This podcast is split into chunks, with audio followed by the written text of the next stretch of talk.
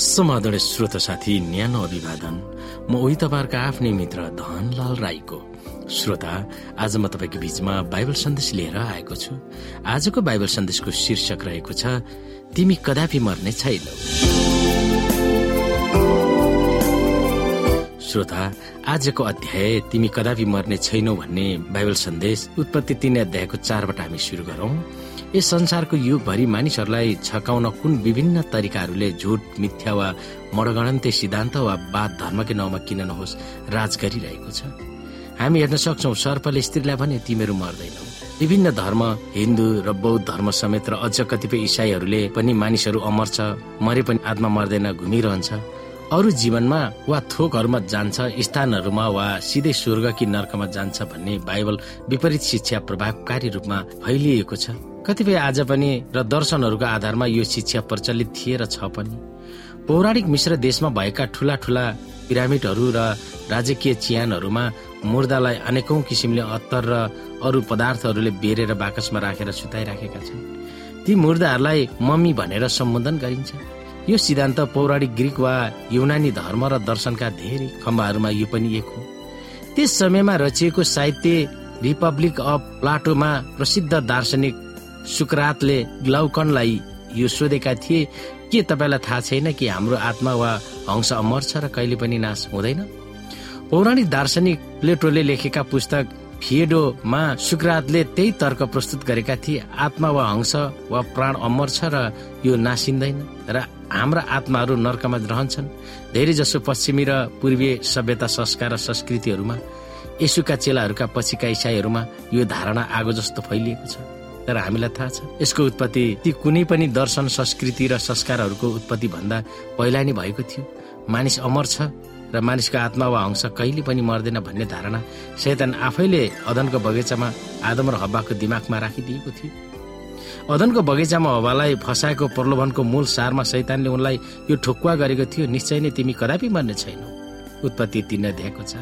यसरी यस मामिलामा जोड दिएर शैतानले आफ्नो वचनलाई परमप्रभुको वचन भन्दा माथि राखेको थियो वा उहाँको वचनलाई काटेको थियो। मानिस मर्दैन आत्मा वा हंस अमर छ भन्ने सिद्धान्तको विपरीत हामीलाई विभिन्न पदहरूले सिकाउँछ। ती पदहरूले शैतानको फटाइलाई कसरी काट्न सकिन्छ? हामी हेर्न सक्छौ मरेकाहरूले परमप्रभुको प्रशंसा गर्दैन। मृत लोक वा चियानमा जानेहरूले उहाँको प्रशंसा गर्दैन जब तिनीहरूको आत्मा निस्कन्छ तिनीहरू माटोमा मिलिहाल्छ त्यही दिन तिनीहरूका योजनाहरू पनि नष्ट हुन्छ यसमा अचम्म नमान किनभने समय आइरहेछ जब चियानमा हुनेहरू सबैले उसको स्वर सुन्नेछन् र बाहिर निस्किआउनेछन्। सुकर्म गर्नेहरू जीवनको पुनरुत्थानको निम्ति र कुकर्म गर्नेहरू चाहिँ दण्ड आज्ञाको पुनरुत्थानको निम्ति। मती दश अध्यायको अठाइस तिनीहरूसँग नडराओ जसले शरीरलाई मार्छन् तर आत्मालाई वा परम प्रभुमाथिको विश्वासलाई मार्न सक्दैन बरु आत्मा र शरीर दुवैलाई नरकमा नाश गर्न सक्नेसँग डराओ। हेर म तिमीहरूलाई एउटा रहस्य भन्दछु हामी सबै सुत्दैनौँ तर हामी सबैको परिवर्तन हुनेछ। एकै क्षणमा आँखाको एक निमेषमा तुरैको आखिरी आवाजमा किनभने तुरै बस्नेछ र मृतकहरू अविनाशी भएर जीवित हुनेछन्। हाम्रो चाहिँ परिवर्तन हुनेछ किनकि यस विनाशी स्वभावले अविनाशी र यस मरणशील शरीरले अमरत्व धारण गर्नुपर्छ। जब विनाशीले अविनाशी र मरणशीलले अमरत्व धारण गर्छ तब लेखिएको त्यो वचन पूरा हुनेछ। मृत्यु विजयमा निलिएको छ ए मृत्यु तेरो विजय कहाँ? ए मृत्यु तेरो खिल कहाँ? मृत्युको खेल पाप हो र पापको शक्ति व्यवस्था हो। तर परमेश्वरलाई धन्यवाद होस् जसले हामीलाई हाम्रो प्रभु येशु ख्रिस्टद्वारा विजय दिनुहुन्छ। यसकारण मेरा प्रिय भाइ स्थिर अटल रह। प्रभुको काममा सधैँ बढ्दै जाऊ किनकि तिमीहरू जान्दछौ कि प्रभुमा तिमीहरूको परिश्रम व्यर्थ हुँदैन। एक कोरन्ती पन्ध्र अध्यायको एकाउन्नदेखि अन्ठाउन्न।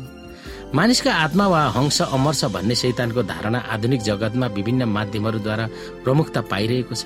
अनेकौं पुस्तकहरू काल्पनिक कथाहरू टेलिभिजन र सिनेमाहरूले यो धारणालाई प्रोत्साहित गरिरहेका छन् कि जब हामी मर्दछौँ तब हाम्रो हंस वा प्राण अरूमा सर्छ वा अर्कै रूप धारण गर्छ। यो कस्तो दुर्भाग्य छ कि धेरै इसाई प्रचारकहरूले यो गलत शिक्षालाई बढावा दिइरहेका छन्। वा प्रचार गरिरहेका छन्।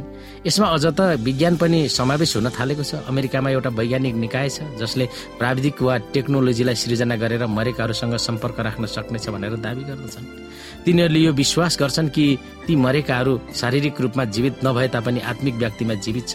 त्यस सिद्धान्तलाई मान्ने मानिसहरूले मरेकाहरू पोस्ट माटेरियल पर्सन स्थितिमा छ भनेर सिकाउँछ। यो चलेको गलत धारणाले मानव इतिहासको अन्तमा घटनाहरूमा निर्णायक भूमिका खेल्नेछन् भन्ने कुरामा पनि छक्क पर्नु पर्दैन।